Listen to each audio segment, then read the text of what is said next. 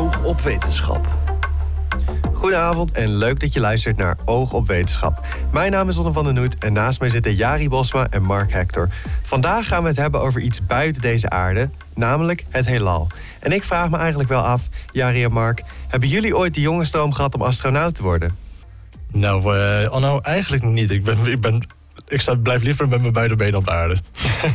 ik ben precies het tegenovergestelde. Van vroeger was ik helemaal geobsedeerd met de ruimte en, en astronauten en space shuttles en dat soort dingen. Van dan wil ik altijd naar Mars toe. Oké, ik heb persoonlijk volgens mij die droom ook niet echt gehad. Maar ik kan me wel herinneren dat er in mijn groep 6, en dat was een klas van ongeveer 33 personen, toch wel minimaal 10 waren die die droom wel hadden. En zelfs al wilde je geen astronaut worden, bijna iedereen is vast wel eens gefascineerd geweest met ons heelal. Vandaag gaan we het hebben over een telescoop. En niet zomaar een telescoop, maar een telescoop op de achterkant van de maan. Hoe we daar precies een telescoop gaan krijgen en wat we nou eigenlijk willen bekijken en meten vanaf de achterkant van de maan, dat is voor mij ook nog niet helemaal duidelijk en een beetje een raadsel. En voor het antwoord op deze vraag richten wij ons daarom tot. De gast van de week. In de studio is Leon Koopmans, astronoom aan de Rijksuniversiteit Groningen. Hij werd benaderd door de European Space Agency, ook wel het ESA, om een telescoop op de achterkant van de maan te zetten. Maar dat kan niet zomaar. De omstandigheden op de maan zijn extreem en je kunt iets wat op de maan staat niet zo 1, 2, 3 repareren. Het vereist dan ook een behoorlijke hoeveelheid voorbereiding en daar gaan we het over hebben. Leon, welkom. Bedankt. Uh, het is mooi om in de uitzending te zijn. Yes. En Leon, voor jou om te beginnen een soortgelijke vraag. Uh, wanneer is jouw fascinatie met ons heelal eigenlijk ontstaan? Ja, eigenlijk is dat uh, in, mijn, in mijn tienerjaren gebeurd. Uh, in mijn tienerjaren waren, ja, was, was de, de Voyager, was er, er waren heel veel dingen. Gingen de ruimte in, de Space Shuttle. En eigenlijk was ik altijd wel gefascineerd door, door wetenschap. Ik, ik wist niet precies wat. Ik dacht wiskunde, ik dacht natuurkunde. computers vond ik ook interessant. En eigenlijk uiteindelijk kwam het allemaal samen in de sterrenkunde. Dus op een gegeven moment, op mijn 16 heb ik besloten... ik ga sterrenkunde studeren. Ja, en dat, dat is het ook geworden. Oké, straks gaan we met je in gesprek over de telescoop en het onderzoek. Ook bespreken we in deze uitzending het laatste wetenschapsnieuws. En je hoort Mark Hector over de wetenschap achter het liedje Walking on Sunshine in The Sound of Science. En wil je na deze uitzending meer oog op wetenschap? Volg ons dan op Instagram, dan blijf je op hoogte van onze volgende afleveringen. Wil je na deze uitzending niet wachten op de volgende? Op Spotify kun je al onze vorige afleveringen nu al terugluisteren. Oog op wetenschap. Leon, er werd jou dus gevraagd door het ESA om een radiotelescoop op de achterkant van de maan te zetten. Wat voelde je toen ze dat voorstel deden? Ja, op zich voel je er natuurlijk e- enorm gevleid. Uh, wij, wij, waren natuurlijk al, al vele jaren mee bezig om iets uh, op de maat te zetten voor ons onderzoek. Daar zijn we al, al meer dan tien jaar mee bezig. En we hebben het in 2013 uh, eh, hebben we het ook geprobeerd. Toen hebben we een voorstel gedaan aan European Space Agency, ESA om een radiotelescoop voor de maan te ontwikkelen. Maar eigenlijk was op dat moment was, ja, was het, het, het klimaat, zeg maar, het, het, het, wetenschappelijke klimaat, maar ook het politieke klimaat niet, ja, niet uh, rijp zeg maar, voor zoiets. Um, en ja, dat is in de afgelopen jaren eigenlijk uh, enorm veranderd. Uh, ja, jullie zullen allemaal wel weten dat er natuurlijk een, race to the moon gaande is. De Amerikanen, de Chinezen en onlangs ook de Indiërs zijn natuurlijk geland op de maan. En Europa wil hier eigenlijk niet uh, bij achterblijven. Dus die zijn een paar jaar geleden weer bij ons aankomen kloppen van... Uh, ja, wij willen eigenlijk ook iets op de maan zetten. Wij willen daar ook wetenschap doen. Kunnen jullie daar iets voor ontwikkelen? En ja, uiteraard zeggen wij dan niet nee. Dus zo is het eigenlijk begonnen. Oké, en waarom deden ze dat voorstel juist aan jou, denk je? Ja, wij hebben natuurlijk uh, dat voorstel eerder aan hun gedaan. Maar wij zijn ook uh, al eigenlijk twintig jaar bezig om uh, telescopen te ontwikkelen hier op aarde en daar wetenschap mee te doen. laagfrequente radiotelescopen zijn dat. mensen kennen misschien Westerbork wel en zelfs LOFAR in, in Drenthe. Maar wereldwijd zijn er meerdere van dit soort laagfrequente radiotelescopen. Ehm, en ik doe heel veel onderzoek met dit soort telescopen om ja, diep in het heelal te kunnen kijken. Ehm, dus wij hebben heel veel ervaring met dat soort uh, telescopen. En als je je vraagt dan, ja, wat, wat, wat wil je nou eigenlijk op de maan gaan neerzetten? Dat is een, een radiotelescoop. Daar is de maan eigenlijk perfect geschikt voor. Dus die combinatie van dat we natuurlijk al ervaring hebben. En we zijn ook betrokken bij een, een Nederlands-Chinese missie die al een, een, kleine ontvanger achter de maan heeft. Ja, die combinatie van, van, van omstandigheden heeft ze bij ons doen aankloppen. Ja, en is het eigenlijk veel werk, een telescoop op de maan zetten? Ja, ontzettend veel werk. Uh, het is al veel werk om op aarde te kunnen neerzetten. Uh, maar op de maan is het uiteraard allemaal nog, nog veel ingewikkelder. Uh, ja, ik zeg altijd al, hier op aarde kun je met een schroevendraaier uh, kun je hem repareren. maar dat gaat je niet op de maan lukken. Dus dat is, je moet dat ontwikkelen voor omstandigheden op de maan die extreem zijn. Extreem koud, maar ook extreem warm. Er is geen atmosfeer. En ja, die telescoop moet daar vijf of tien jaar staan en kunnen werken zonder dat er iets fout gaat. Dus er is het ontzettend veel ontwikkelwerk vooraf uh, die gedaan moet worden om iets te ontwikkelen die die ja, omstandigheden kan weerstaan, maar ook uh, vijf of tien jaar ongestoord kan werken. En daar zijn we uiteraard nu, nu druk mee bezig. Ja, daar, daar kan ik me iets bij voorstellen. Um, je hebt, als het goed is, ook al een telescoop achter de maan, toch? Hoe staat het daarmee? Ja, dat is, dat is een, een telescoop. Dat, was, uh, een, dat is eigenlijk één enkele ontvanger. Uh, waar we naar signalen, naar radiosignalen uit het heelal kijken. Die uit, eigenlijk uit alle richtingen tegelijk komen. En die, is, die telescoop of die, die ontvanger is gemonteerd op een, ja, wat we noemen in het Engels relay satellite. Het is eigenlijk een, een, een satelliet die in een stabiel punt achter de maan staat. En die naar de achterkant van de maan uh, kijkt. En op de achterkant van de maan, daar is een rover van de Chinezen. En de Chinezen kwamen ook bij ons en, en, en, en een collega van mij van Radboud Universiteit. Uh, om te vragen of daar eventueel iets opgezet kon worden voor wetenschap. Dus dat is uh, ja, ongeveer 7, 8 jaar geleden ontwikkeld. En dat is uh, toen heel, heeft heel snel plaatsgevonden. En is toen in 2018 gelanceerd. En, en ja, die ontvanger is daar nog steeds. We leren daar veel over, over de technieken en wat er allemaal uh, fout en, uh, kan gaan ook. En wat er goed kan gaan. Dus we hebben daar wel data van. Maar die data is op dit moment niet echt geschikt voor, voor wetenschappelijke doeleinden. Maar meer ook voor testdoeleinden. Om te zien, ja, wat, wat, wat zien we nou eigenlijk? Wat gaat er mis? Wat moeten we verbeteren? Dus die informatie die voedt ook weer zeg maar, in ons nieuwe project. Juist. En als ik nou als het ESA een telescoop op de achterkant van de maan wil zetten, uh, kan ik dat dan gewoon doen? Of moet ik daar toestemming voor hebben van de andere landen? Nou, de maan is uh, ja, free for all is het bijna nog. Dus uh, op zich ja, kun je op de maan zetten wat je wilt en waar, waar je wilt. Daar, daar zijn geen echte, echte regels voor. En aan de ene kant is dat natuurlijk, ja, je kunt hem neerzetten waar je, waar je wilt. Dus als wij hem ergens willen neerzetten en dat is een goede plek, kunnen we dat in principe doen. Maar dat geldt natuurlijk ook voor, voor, voor anderen. Uh, die kunnen ook dingen neerzetten. Dat zijn niet altijd radiotelescopen. Dat kan ook uh, ja, andere apparatuur zijn uh, die weer ons project kunnen verstoren. Maar misschien ja, bouwen wij iets wat andere projecten weer verstoort.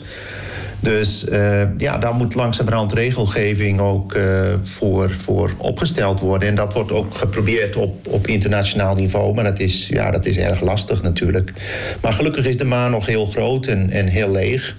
Dus er zijn zeker altijd plekken te vinden die, uh, waar je ongestoord zeg maar, dit soort telescopen kunt neerzetten. Oké, dat scheelt. En jouw radiotelescoop gaat mee met maanlander Argonaut. wat gaat er nog meer mee met zo'n maanlander? Ja, dus die, die Argonaut, dat is, dat is eigenlijk één grote lander die een paar duizend kilo aan gewicht op, op de maan kan landen. Uh, nou, een radiotelescoop, uh, ja, in, in ons geval heeft die radiotelescoop wat we noemen heel veel oppervlak nodig. Dus vele voetbalvelden aan oppervlak. Want ja, de straling die wij proberen te meten uit het vroege heelal, die is ontzettend zwak. Daar heb je gewoon grote, grote telescopen voor nodig.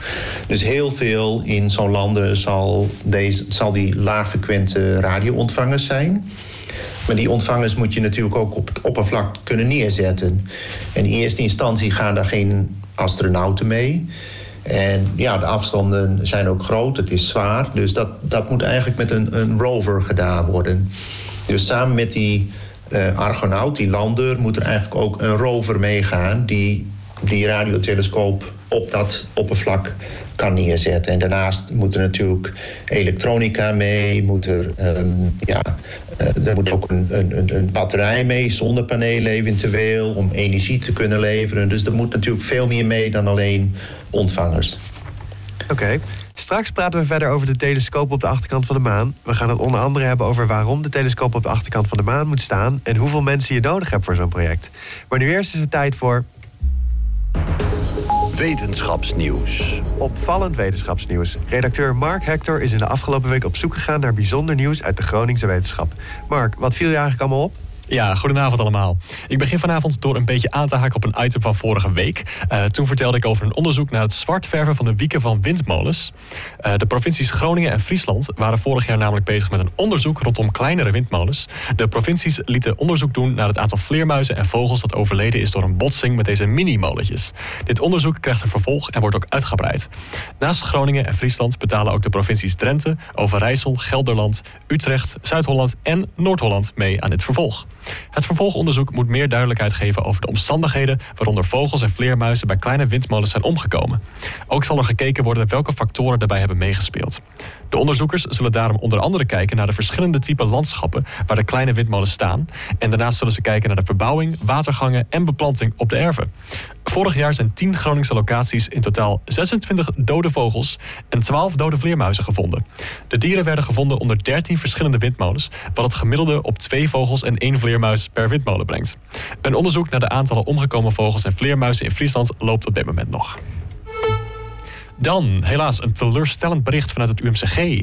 Vorig jaar startte het ziekenhuis nog als eerste in Nederland een proef met een robot uh, waarmee dotterbehandelingen kunnen worden uitgevoerd. Met deze robot kunnen doktoren nauwkeurig iemand dotteren, oftewel een vernauwd bloedvat bij je hart weer open zien te krijgen. Ook hoefden de doktoren niet meer dag in, dag uit in de röntgenstraling te staan. Uh, maar helaas, uh, het ziekenhuis maakte afgelopen maandag bekend dat het experiment is stopgezet. De reden hiervoor is kort maar krachtig. Leverancier Siemens heeft een robot van de markt gehaald. En daarbij zijn ze ook gestopt met het maken van de materialen die nodig zijn voor zo'n dotterprocedure. Hierdoor houdt het project op, want de artsen kunnen zo niet meer veilig werken met deze robot. In de tussentijd heeft het UMCG ongeveer 50 patiënten kunnen behandelen met deze robot. En dat gebeurde met goede resultaten, zonder complicaties. Wel waren in sommige gevallen, ja, het was gewoon iets te complex voor de robot, waardoor de doktoren het toch met de hand moesten overnemen. Of de robot uiteindelijk effectiever was dan de ouderwetse methode, is met zo'n klein aantal patiënten helaas nog niet te zeggen. Dan wat nieuws van buiten Groningen. Je kent het vast wel. Je komt thuis van een concert of een luidruchtig feest. In de uren of soms dagen, weken, maanden of jaren erna hoor je nog steeds een piep of een brom in je oren. Dat staat bekend als tinnitus, of zoals we in de volksmond zeggen, oorsuizen. Tot nu toe is er nog veel onduidelijk over de oorzaak van tinnitus, maar een groep onderzoekers van het Amerikaanse Harvard lijkt op de goede weg te zitten voor antwoorden. oorzaak.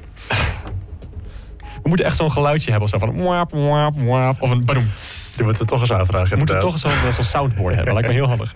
Uh, ze vonden namelijk bewijs dat de belangrijkste theorie over de oorzaak van tinnitus ondersteunt. Deze theorie stelt dat tinnitus ontstaat in de zenuwen die normaal gesproken geluidsinformatie doorgeven aan de hersenen. Samengevat kwam uit het Harvard-onderzoek naar voren dat de zenuwen hyperactief blijven als gevolg van schade. Het brein laat deze zenuwen constant aanstaan als poging om te compenseren voor gehoorverlies. De onderzoekers zetten hiermee belangrijke stappen die nodig zijn om de mechanismen achter tinnitus te, te begrijpen. Uh, pas als we volledig snappen hoe dit werkt, kunnen we tinnitus echt gaan genezen. Tot slot kwam ik een leuke inzamelingsactie tegen. Voor het in aanbouw zijnde Werelderfgoedcentrum Waddenzee in Lauwershoog is directeur Niek Kuizenga namelijk op zoek naar oude spijkerbroeken. Het nieuwe gasloze Werelderfgoedcentrum dat onder andere onderdak gaat bieden aan het nieuwe Zeehondencentrum wordt een energie-neutraal en duurzaam gebouw. Voor de bouw wordt zoveel mogelijk gebruik gemaakt van tweedehands materialen. De spijkerbroeken willen ze dus gaan gebruiken om isolatiemateriaal te maken. In totaal hebben ze 5481 kilo aan spijkerbroeken nodig. Heel specifiek getal. Uh, jij kunt hier natuurlijk aan bijdragen. In Groningen en Friesland zijn verschillende inleverpunten opgezet. En wil jij dan weten welke punten er bij jou in de buurt zijn of hoe je kleding kan opsturen? Kijk dan op de website van het Werelderfgoedcentrum Waddenzee Lauwersoog via wec-waddenzee.nl onder het kopje updates. Bedankt Mark. Oog op wetenschap. In de studio is nog steeds sterrenkundige Leon Koopmans van de Rijksuniversiteit Groningen. Met hem hebben we het over de ins en outs van het plaatsen van een telescoop op de achterkant van de maan. We zijn bijvoorbeeld benieuwd waarom we eigenlijk een telescoop op de achterkant van de maan willen. Maar eerst vraag ik me toch wel af. Het klinkt als een behoorlijk project, maar over hoeveel mensen praten we eigenlijk voor dit project, Leon? Ja, dit soort projecten beginnen altijd uh, als, als een idee van een paar mensen natuurlijk. Dus je begint uiteindelijk eerst altijd met een aantal mensen dat idee te ontwikkelen. Uh, maar nu zitten we op dit moment al met ja, 20 mensen. En we hebben net een groot voorstel ingediend om ja, geld aan te vragen. Om met veel jonge mensen, promovendi de, de, de techniek van zo'n telescoop te gaan ontwikkelen. Dus dan praat je op een gegeven moment al over 50. En dat gaat uiteindelijk, eh, als je eenmaal ja, zo'n telescoop ontwikkelt en op de maan zet, praat je over honderden mensen die dan op Europees, maar zelfs op wereldniveau uh, moeten samenwerken om dat voor elkaar te krijgen. Dus wij zijn nog in, in die beginfase daar om, om, die, om dat team bij elkaar uh, te krijgen. En dat staat dan nog los van de techniek die ontwikkeld uh, moet worden, natuurlijk, om die lander op de maan te zetten, die vaak door de industrie gedaan wordt. En dan praat je over duizenden mensen. Dus dat zijn grote projecten. Ja, dus dan hebben we het inderdaad over honderden mensen alleen om die telescoop op de maan te zetten.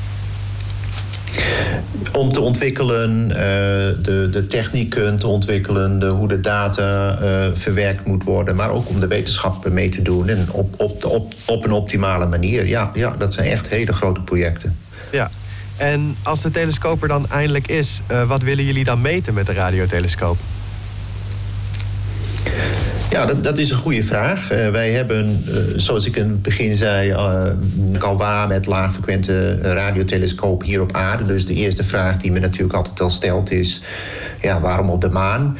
En wat doe je ermee? Dus wij, ja, wij meten waterstofgas, de, de radiostraling van waterstofgas die uit, ja, uit, op, op zeg maar uit het vroege heelal komt. En in het vroege heelal betekent ook terugkijken ja, in de tijd, maar ook verder weg. En die straling die, uh, ja, die van het waterstof komt, die komt naar ons toe en door het uitdijende heelal uh, ja, rekt dat op naar vele meters. dus vandaar dat we dus die laagfrequente radiotelescopen ja, moeten bouwen. Um, en die waterstof, ja, daar proberen we uh, een verdeling uh, van te meten. Maar als je naar uh, heel vroeg in het heelal gaat, dan ja, kan die radiostraling eigenlijk niet meer door de atmosfeer heen. En dat is de reden waarom we naar de maan moeten. Dus eigenlijk alle radiotelescopen die op aarde staan, die, die gaan tot misschien ja, enkele tientallen megahertz. Ja, dat zegt de, de, de, de luisteraar misschien niet zoveel, maar dat is heel laag frequent. Um, en dat als je nog lager gaat, ja, kom je niet meer door de atmosfeer heen. En moet je eigenlijk dus buiten de dampkring een radiotelescoop bouwen om die, die waterstofstraling nog steeds te kunnen meten. Ja, en je had het over heel vroeg in het heelal. Uh, hoe vroeg praten we dan over? Ja, het heelal is ja, 13 tot 14 miljard, miljard jaar oud. Dus dat is heel oud.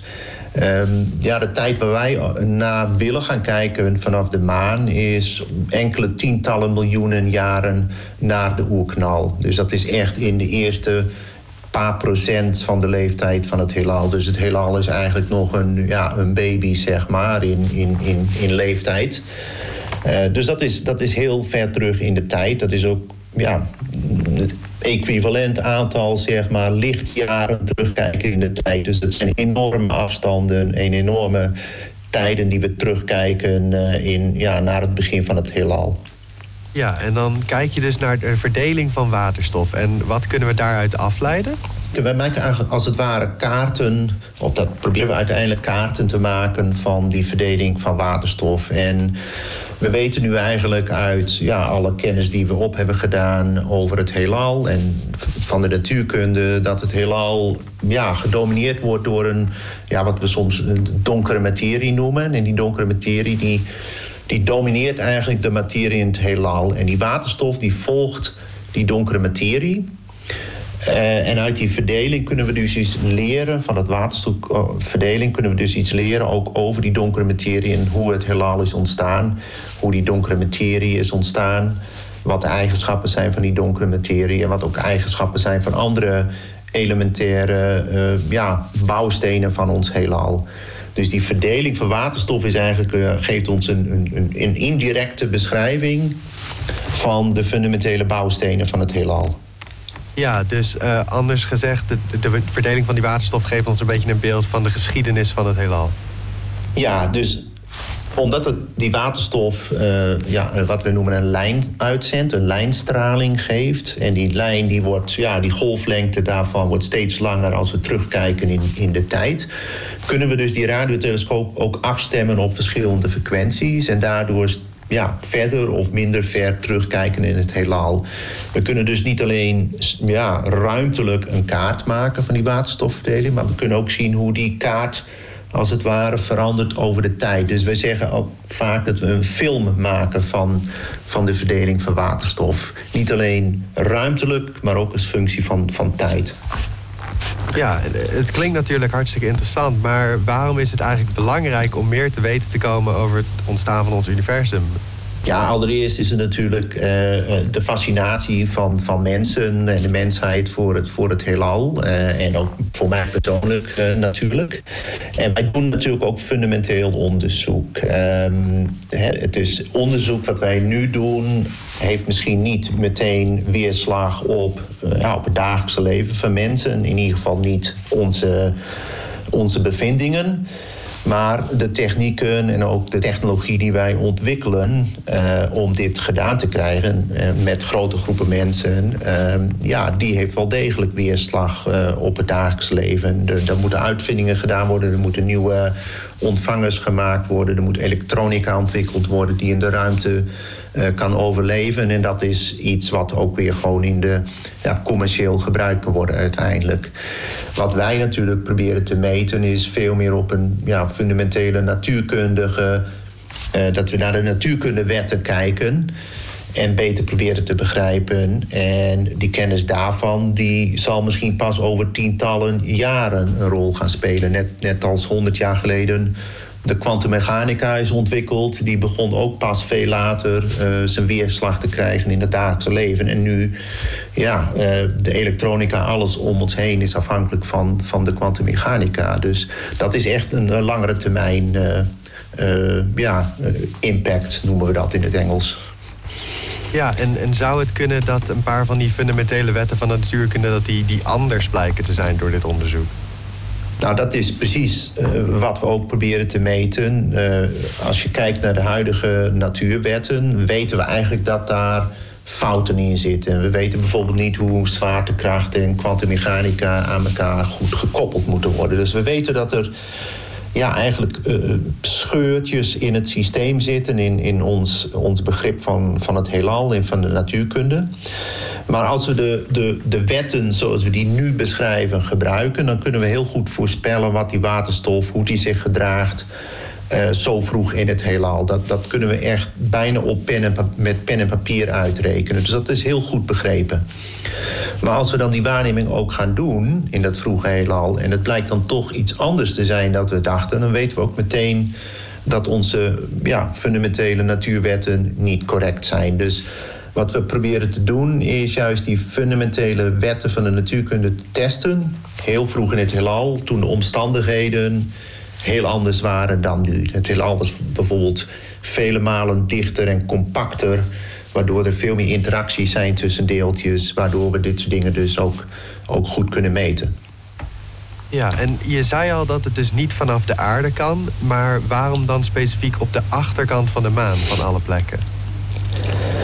Ja, dus het is, allereerst is het dus, uh, ja, je moet de ruimte in met zo'n lage uh, frequente radiotelescoop. Zeker als je heel vroeg in het heelal wil kijken, want ja, de atmosfeer, de geïoniseerde deel van de atmosfeer laat dat niet toe. Dan zou je misschien denken, ja, waarom niet in een baan om de aarde? Dat is goedkoper dan landen op de maan. Het is, dat is uiteraard een, een correcte vraag, maar op het moment dat je in een baan om de aarde gaat, zie je eigenlijk alle radiostraling van de aarde. Dus die radiostraling, die laagfrequente radiostraling van, ja, uh, zeg maar, uh, andere. nou ja, ze zijn, zijn eigenlijk andere apparaten die heel veel radiostraling uitzenden. die vang je met zo'n hele gevoelige telescoop in de ruimte, in een baan om de aarde gewoon op. Dus je moet eigenlijk naar een stuk ruimte gaan die afgeschermd is van de aarde. En dat is de achterkant van de maan. De achterkant van de maan staat altijd van ons vandaan. De, de, de maan die draait zeg maar in één maand om, om zijn eigen as heen. Dus die is eigenlijk altijd met één kant naar ons toegericht... en met de andere kant van ons weg. Dus als we daar een telescoop in zetten... zien we die straling van de aarde niet. Dus het is eigenlijk de meest perfecte plek in het heelal, het nabije heelal, om, om zo'n radiotelescoop neer te zetten. Juist, en, en dit soort onderzoek is dus nog nooit eerder gedaan? Nou, dat soort hele lage frequentie, dus hele hoge roodverschuiving niet, omdat het van de aarde dus, dus ja, niet mogelijk is. Dat betekent niet dat wij de enige zijn die dit uh, proberen te doen. Er zijn ook initiatieven uh, die in Amerika ontwikkeld worden, uh, in China. Uh, dus er zijn meerdere landen mee bezig. Wij hopen uiteindelijk ook natuurlijk samenwerkingsverbanden aan te gaan. Maar wij proberen natuurlijk onze telescoop daar neer te zetten. En als Amerika en andere landen willen meewerken, dat is natuurlijk geweldig. Uh, maar er zijn meerdere landen die daarmee bezig zijn. Uh, maar er is nog nooit een telescoop inderdaad neergezet die dit gaat doen. Dus dat is absoluut uniek. Oké, okay. straks praten we verder met Leon over de omstandigheden waar een telescoop op de achterkant van de maan bestand tegen moet zijn. Maar nu eerst is het tijd voor. It's just the sound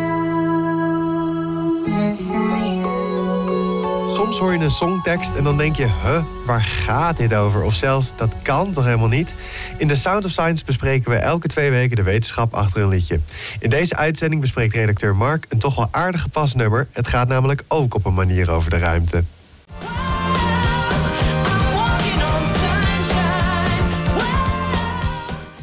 Ja, ik weet niet hoe het met jullie zit, maar ik kijk wel een beetje op tegen die donkere wintermanen die eraan komen.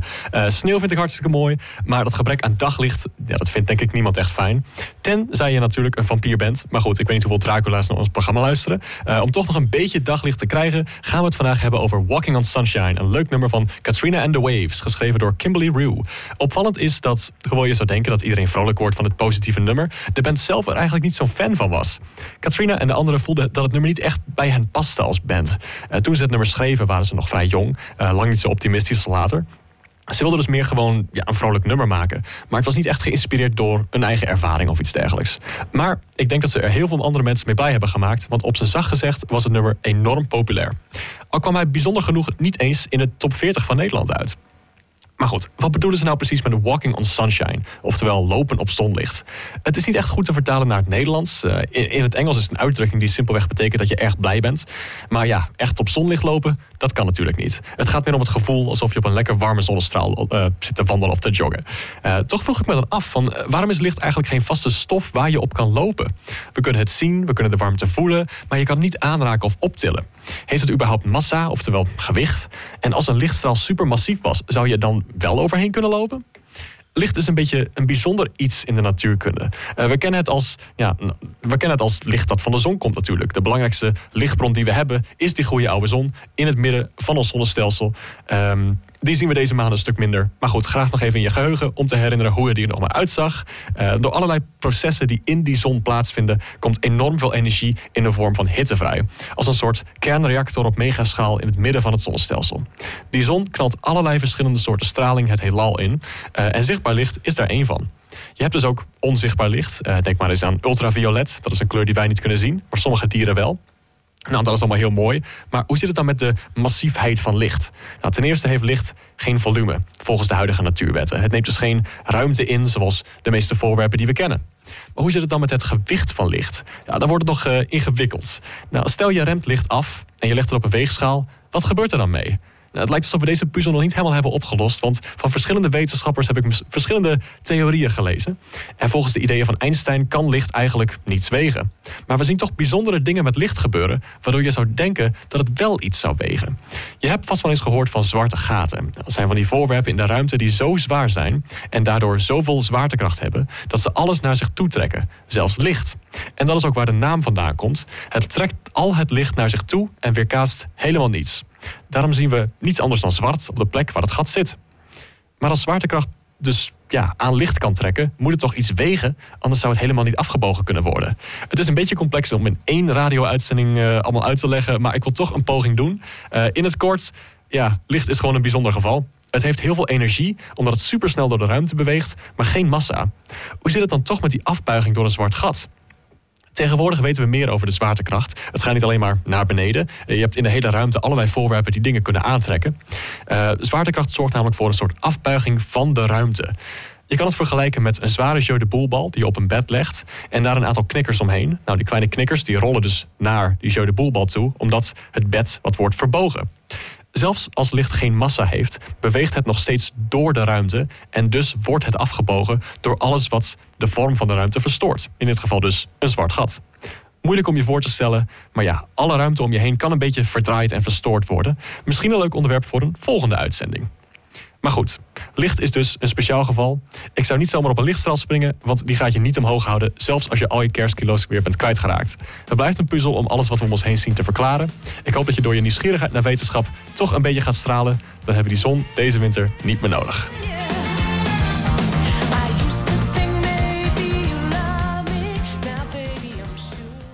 Oog op wetenschap. Bij ons in de studio is nog steeds astronoom Leon Koopmans.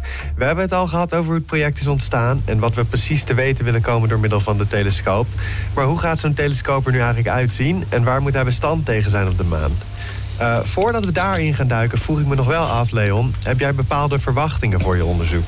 Ja, nou, ik weet dat het onderzoek wat ik doe heel moeilijk is. Ik, eh, ik, ik doe dit natuurlijk al met, eh, met LOFAR, met andere telescopen doen we. Dus ja, we verwachten dat het ontzettend eh, moeilijk zal zijn om dit te meten. En als je dit gewoon ook uitrekent, moet je vijf of tien jaar eigenlijk waarnemingen doen om een signaal, een heel zwak signaaltje daar daaruit te trekken. En uiteraard hopen we natuurlijk dat, dat we niet vinden wat we, wat we voorspellen. Dat is meestal het, het, het, het spannendste natuurlijk, dat je iets vindt wat je niet voorspelt. Want dan, ja, dan leren we iets nieuws. En daar hopen we eigenlijk op met, met al ons onderzoek, dat we iets nieuws leren. En dat, dat hopen we hier ook. Ja, en, en stel je leert iets nieuws, waar moeten we dan aan denken? Zit, zit er dan een Nobelprijs in, eventueel? Ja, dan moeten we natuurlijk niet te snel roepen, maar eh, de- die kans bestaat. Want het is eh, sowieso nog nooit gemeten, waterstof op zulke, op zulke roodverschuivingen. Eh, roodverschuivingen, dat is een ander woord voor, voor afstand. En de afstanden waar we eh, ja, eigenlijk eh, met de telescoop op de maan naar kijken, is nog veel verder weg dan waar we nu naar kijken. Dus als dat een succes is, eh, ja, dan, dan de, de kans zit erin, ja. Maar Ja, dat nou, hoop je. We, zullen er voorzichtig mee zijn met het zeggen. Maar het zou natuurlijk wel dubbel mooi zijn. Een telescoop op de maan en een Nobelprijs. Maar goed, dan moet hij er wel eerst staan. En tegen welke omstandigheden moet zo'n radiotelescoop dan bestand zijn? Ja, de, de maan is natuurlijk aan de ene kant is een hele, hele stabiele omgeving. Eh, je zou dat misschien niet denken, eh, omdat de omstandigheden ook weer extreem zijn. Maar ze zijn stabiel extreem. En extreem bedoel ik eh, ja, dat de temperaturen, bijvoorbeeld als de maan eh, weg is gericht van de zon... Ja, staat hij eigenlijk puur in de donker. Dan koelt het heel snel af tot ongeveer 150 graden onder nul. Dus zo'n telescoop moet in een maannacht, en die duurt 14 dagen, die duurt een halve maand, eh, moet die bestand zijn tegen dat soort temperaturen. En overdag, dus een maandag, moet die bestand zijn tegen plus 100 graden Celsius. Er zit een temperatuursverschil tussen dag en nacht van ongeveer 200, 250 graden Celsius. Dus dat is al één ding. De andere is natuurlijk de straling, de zonnestraling. Die, wij worden beschermd door de atmosfeer. Dat is op de maan niet zo. Dus UV-straling, elementaire deeltjes, dus hele hoge energetische deeltjes die door onze aarde, door de atmosfeer en de, de, nou ja, het magneetveld worden opgevangen. Die slaan op de maan ook.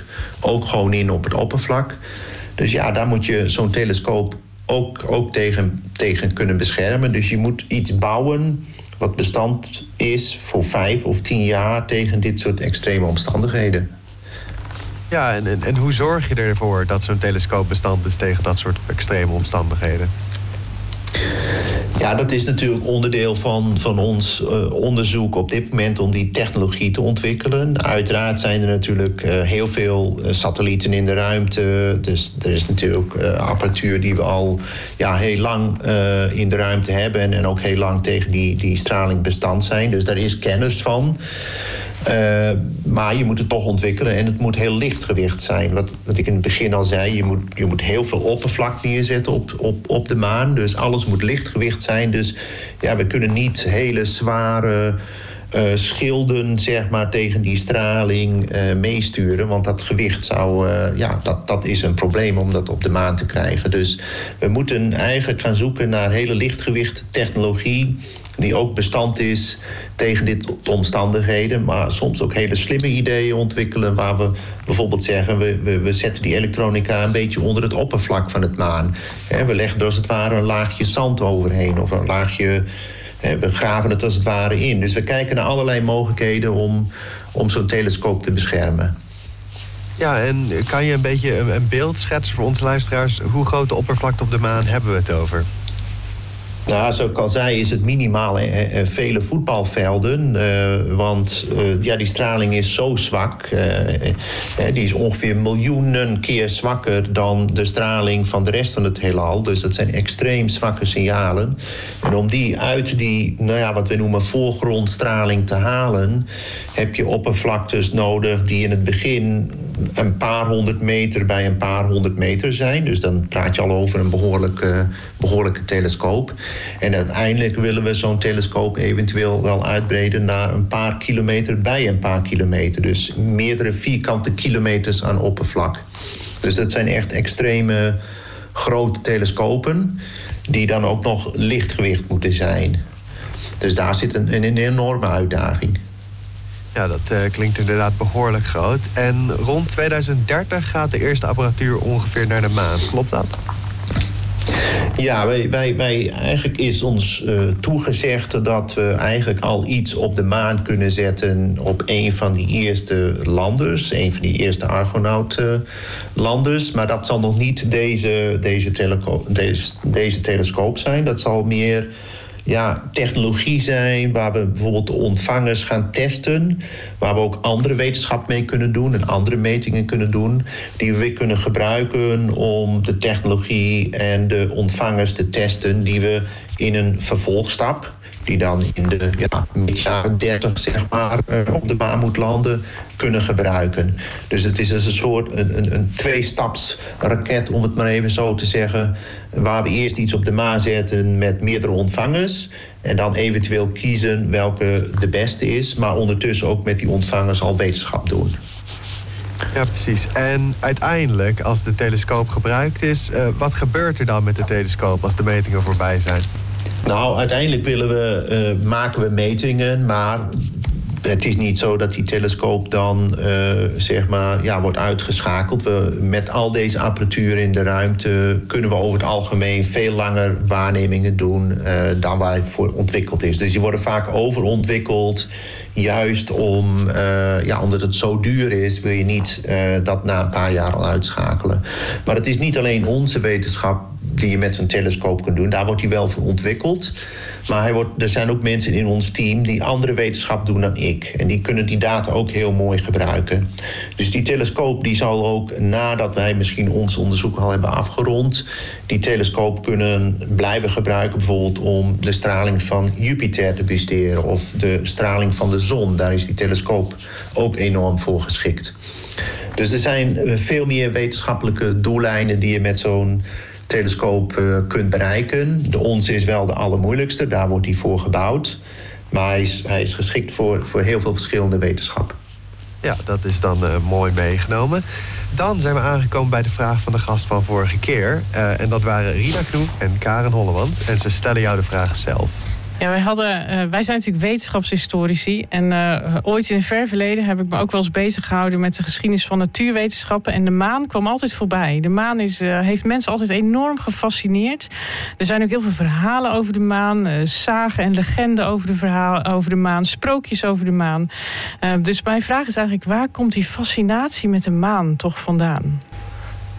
Ja, dat is, dat is bijna een, een, een- ja, een wetenschappelijke vraag, maar op een andere manier natuurlijk. Dus die is moeilijk te beantwoorden. Uiteraard is die fascinatie van dat het natuurlijk een, een, een heel groot en het grootste en het helderste object is eh, in de nachtelijke hemel. En dat, ja, dat spreekt mensen aan. Net als de zon natuurlijk overdag de helderste object is, is, is de maan dat s s'nachts. En ja, mensen maken daar natuurlijk verhalen en, en sages en, en geven goddelijke, goddelijke waarde daaraan in het, in het verleden. Dus die, die fascinatie. eh, ja, die, ik denk dat die daar dus eh, vandaan komt eh, uiteindelijk. En, en de maan is ook wel een bijzonder object. Want als je kijkt naar onze eigen maan, die rond de aarde gaat, die is die eigenlijk veel groter dan de manen die rond bijvoorbeeld Mars gaan of Jupiter. Dus het is ook een, een bijzonder groot object.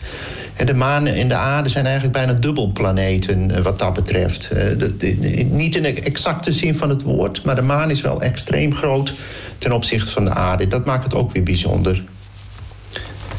Oké. Ehm, Leon, wij willen jou bedanken dat je vandaag bij ons aan wilt schuiven. Eh, de volgende uitzending van de Oog op Wetenschap is over twee weken. Dan hebben wij Gert Hofstede van de Hanse Hogeschool te gast. Hij maakt biogas uit gras in een apparaat dat veel weggeeft van een koeienmaag. Eh, Leon, de beurt is nog aan jou om een vraag te stellen aan Gert. Welke vraag heb je voor hem? Ja, ik, ik heb dat bekeken. Dat, ik was er uit, uitermate door gefascineerd natuurlijk. Eh, We weten natuurlijk, we hebben in Nederland heel veel koeien. We hebben heel veel koeienmagen. Dus mijn vraag is, is eigenlijk heel, heel simpel. In, in hoeverre ja, die, dat, die gasopbrengst eh, uit biogas... bijvoorbeeld in onze transportsector... wordt natuurlijk veel gesproken over ja, het terugdringen van CO2... Hoe dat gas ingezet kan worden, bijvoorbeeld eh, ja, voor transport of voor verwarming van huizen, wat natuurlijk momenteel een, een groot probleem is. Of is het echt eh, veel meer lokaal gebruik, bijvoorbeeld bij boeren die dat opwekken en dat ook weer lokaal gebruiken. Dus dat is eigenlijk mijn vraag. Oké, die vraag gaan we dan over twee weken aan Gert stellen. Oog op wetenschap. En daarmee zijn we aan het einde gekomen van deze aflevering. Oog op wetenschap hoor je zoals gezegd over twee weken weer. Is twee weken te lang wachten? Dan zijn alle eerdere uitzendingen van Oog op Wetenschap nu al terug te luisteren op Spotify. We zijn trouwens ook heel benieuwd naar wat je van Oog op Wetenschap vindt. Heb je een opmerking, vraag of misschien wel een suggestie voor een leuke gast? Laat het ons even weten via Facebook of Instagram. En volg ons dan ook meteen. Dan blijf je op de hoogte van onze volgende uitzendingen en wanneer de nieuwste aflevering op Spotify staat. Tot over twee weken.